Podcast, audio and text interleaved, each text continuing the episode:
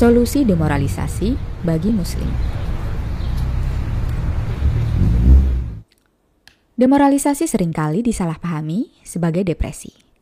Mengingat ia telah mengalami normalisasi dalam realita kehidupan masyarakat industri modern, banyak yang tidak menganggap fenomena ini sebagai isu ketergangguan mental, meskipun ia bersifat non-klinis.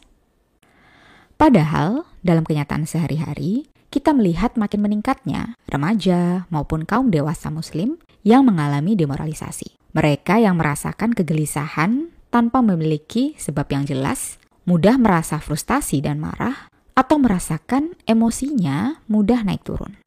Mereka yang mengalami demoralisasi kadang menjelma menjadi pribadi yang mudah dimanipulasi secara emosional untuk terlibat dalam gerakan aktivisme yang kadang sia-sia.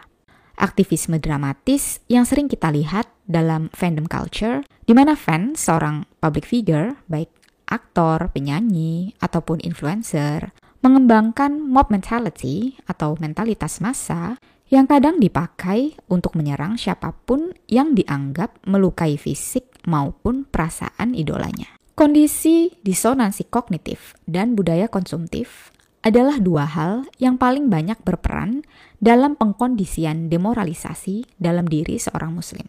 Menurut pakar ilmu psikologi klinis John F. Schumacher, alih-alih bagian dari gangguan depresi, demoralisasi merupakan sejenis gangguan eksistensial yang mengacu pada runtuhnya peta kognisi seseorang. Keruntuhan peta kognisi ini menghasilkan krisis psikospiritual yang membuat orang-orang kehilangan orientasi hidup sehingga merasa kesulitan dalam memaknai dan menemukan sumber makna maupun kesulitan mengenali sumber pemenuhan kebutuhan jiwa mereka. Dalam kondisi demoralisasi, keyakinan dan pondasi makna dalam melihat realita yang awalnya dimiliki seseorang lalu lebur. Ia menjelma menjadi berbagai bentuk keraguan, ketidakpastian, dan kehilangan arah hidup yang diiringi frustasi, amarah, kegetiran, serta perasaan terkalahkan. Namun, tidak seperti depresi, demoralisasi merupakan respon realistis terhadap situasi yang disruptif atau mengganggu kehidupan seseorang. Menurut Schumacher, Budaya konsumtif melemahkan struktur kepribadian seseorang dalam berbagai cara. Melemahnya struktur kepribadian seseorang mengantarkan pada melemahnya pula kemampuan bertahan dalam penderitaan, dan ini merupakan awal dari kondisi demoralisasi. Budaya konsumtif mendorong manusia untuk mengembangkan sifat individualis, materialis, gemar bersaing, serakah, labil, mudah panik, hingga suka berhutang. Karakteristik yang membuat orang bisa bertahan seperti kesabaran, kemampuan menahan diri, dan keberanian telah digantikan oleh makin pendeknya kemampuan memperhatikan seseorang, sifat selalu mengikuti segala keinginan, dan pendekatan hidup yang hanya berkisar pada pemenuhan hasrat demi hasrat. Mereka yang larut dalam budaya konsumtif modern semacam ini sering kali tidak lagi memiliki kompas eksistensial. Hidupnya diatur oleh hasratnya. Siklus memenuhi hasrat dengan berbagai bentuk kesenangan dan hiburan pada akhirnya akan menemui titik jemu.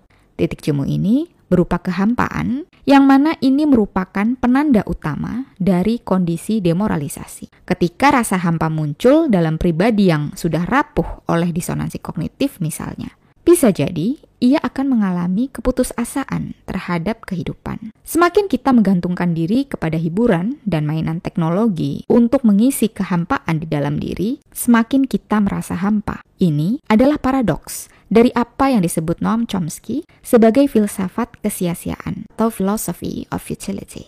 Schumacher menyatakan bahwa jalan keluar dari demoralisasi bukanlah terapi atau obat, melainkan membangun kembali pondasi mental seseorang dalam melihat realita. Islam memiliki jalan keluar dari kehampaan ini dengan menjadikan tauhid sebagai pondasi mental dan kompas eksistensial kita. Lewat kacamata tauhid, yaitu keyakinan kita terhadap keesaan Allah Subhanahu wa taala, kita bisa membangun kembali struktur kepribadian kita yang bisa jadi telah dihancurkan oleh budaya konsumtif modern.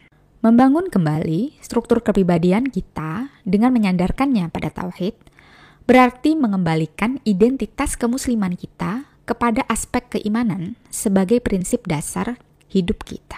Dalam surat Ali Imran ayat 64 dikatakan, قل يا أهل الكتاب تعالوا إلى كلمة سواء بيننا وبينكم ألا نعبد إلا الله ولا نشرك به شيئا ولا يتخذ بعضنا بعضا اربابا من دون الله فان تولوا فقولوا اشهدوا بانا مسلمون Katakanlah, hai ahli kitab, marilah berpegang pada suatu kalimat yang tidak ada perselisihan antara kami dan kamu, bahwa tidak kita sembah kecuali Allah dan tidak kita persekutukan dia dengan sesuatu pun, dan tidak pula sebagian dari kita menjadikan sebagian yang lain sebagai Tuhan selain Allah. Jika mereka berpaling, maka katakanlah kepada mereka, saksikanlah bahwa kami, Muslim, adalah orang-orang yang berserah diri kepada Allah. Ayat ini menjelaskan definisi mendasar dari identitas seorang Muslim. Muslim adalah orang-orang yang hanya menyembah Allah – tidak menyekutukannya, dan tidak meyakini Tuhan selain Allah. Muslim adalah mereka yang menyerahkan diri kepada keesaan Allah.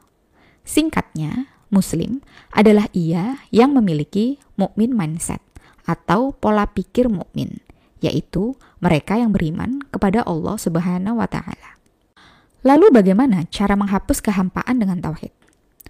Pada episode lalu, kami telah menjelaskan bahwa kondisi demoralisasi bisa menjadi peluang untuk belajar menerima fitrah kita.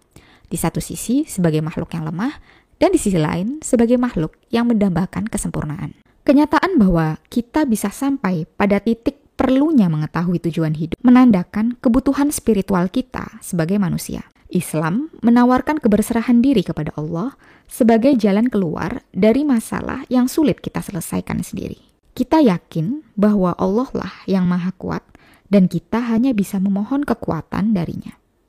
Kita yakin bahwa Allah lah yang maha kuasa atas hati seseorang Maka kita hanya bisa memohon dengan sepenuh hati kepadanya untuk menyembuhkan luka batin kita. Seperti yang sudah dijanjikan oleh Allah dalam Al-Quran. الذين آمنوا وتطمئن قلوبهم بذكر الله ألا بذكر الله تطمئن القلوب Orang-orang yang beriman kepada keesaan Allah atau konsep tauhid Islam dan yang hatinya tenang dengan mengingat Allah, sesungguhnya dengan mengingat Allah hati menjadi tentram. Hanya dengan keberserahan hati kepada Allah yang Maha Kuat dan Maha Kuasa, maka Allah menjanjikan ketentraman bagi kita. Sangat mudah bagi Muslim yang mengalami demoralisasi untuk melihat Islam hanya sebagai beban dengan sejuta aturan yang mengekang. Saat kita hanya melihat aturan sebagai sistem hukum tanpa mempertimbangkan alasan mengapa kita perlu taat pada aturan tersebut, maka sangat mudah bagi kita untuk meremehkan dan melanggar aturan tersebut. Maka tak heran jika muslim yang mengalami demoralisasi sehingga runtuh struktur kepribadiannya tampak seperti muslim yang bingung dengan identitasnya sendiri. Ia tak bisa lagi mengenali alasan mengapa ia sholat, mengapa ia membaca Al-Quran, dan mengapa ia memakai jilbab misalnya. Seperti yang sudah kami bahas, fenomena demoralisasi muslim saat ini banyak dipengaruhi oleh situasi politik global kontemporer dan budaya konsumtif masyarakat modern. Seringkali, mereka yang mengalami demoralisasi membingkai keraguan mereka akan ajaran Islam sebagai masalah intelektual. Namun, kita perlu melihatnya dengan lebih kritis. Benarkah ini masalah intelektual? Atau ini hanyalah fenomena demoralisasi muslim yang kehilangan logika imannya dalam mempertanyakan ajaran Islam? Memahami kondisi demoralisasi memberikan kita cara memahami fenomena tersebut sebagai masalah psikospiritual alih-alih tantangan intelektual. Tentu saja, isu kesehatan mental yang relevan bagi muslim tidak hanya soal demoralisasi. Untuk itu, simak bahasan kami soal isu kesehatan mental muslim di vlog-vlog selanjutnya, insya Allah. Wabillahi taufiq wal hidayah. Wassalamualaikum warahmatullahi wabarakatuh.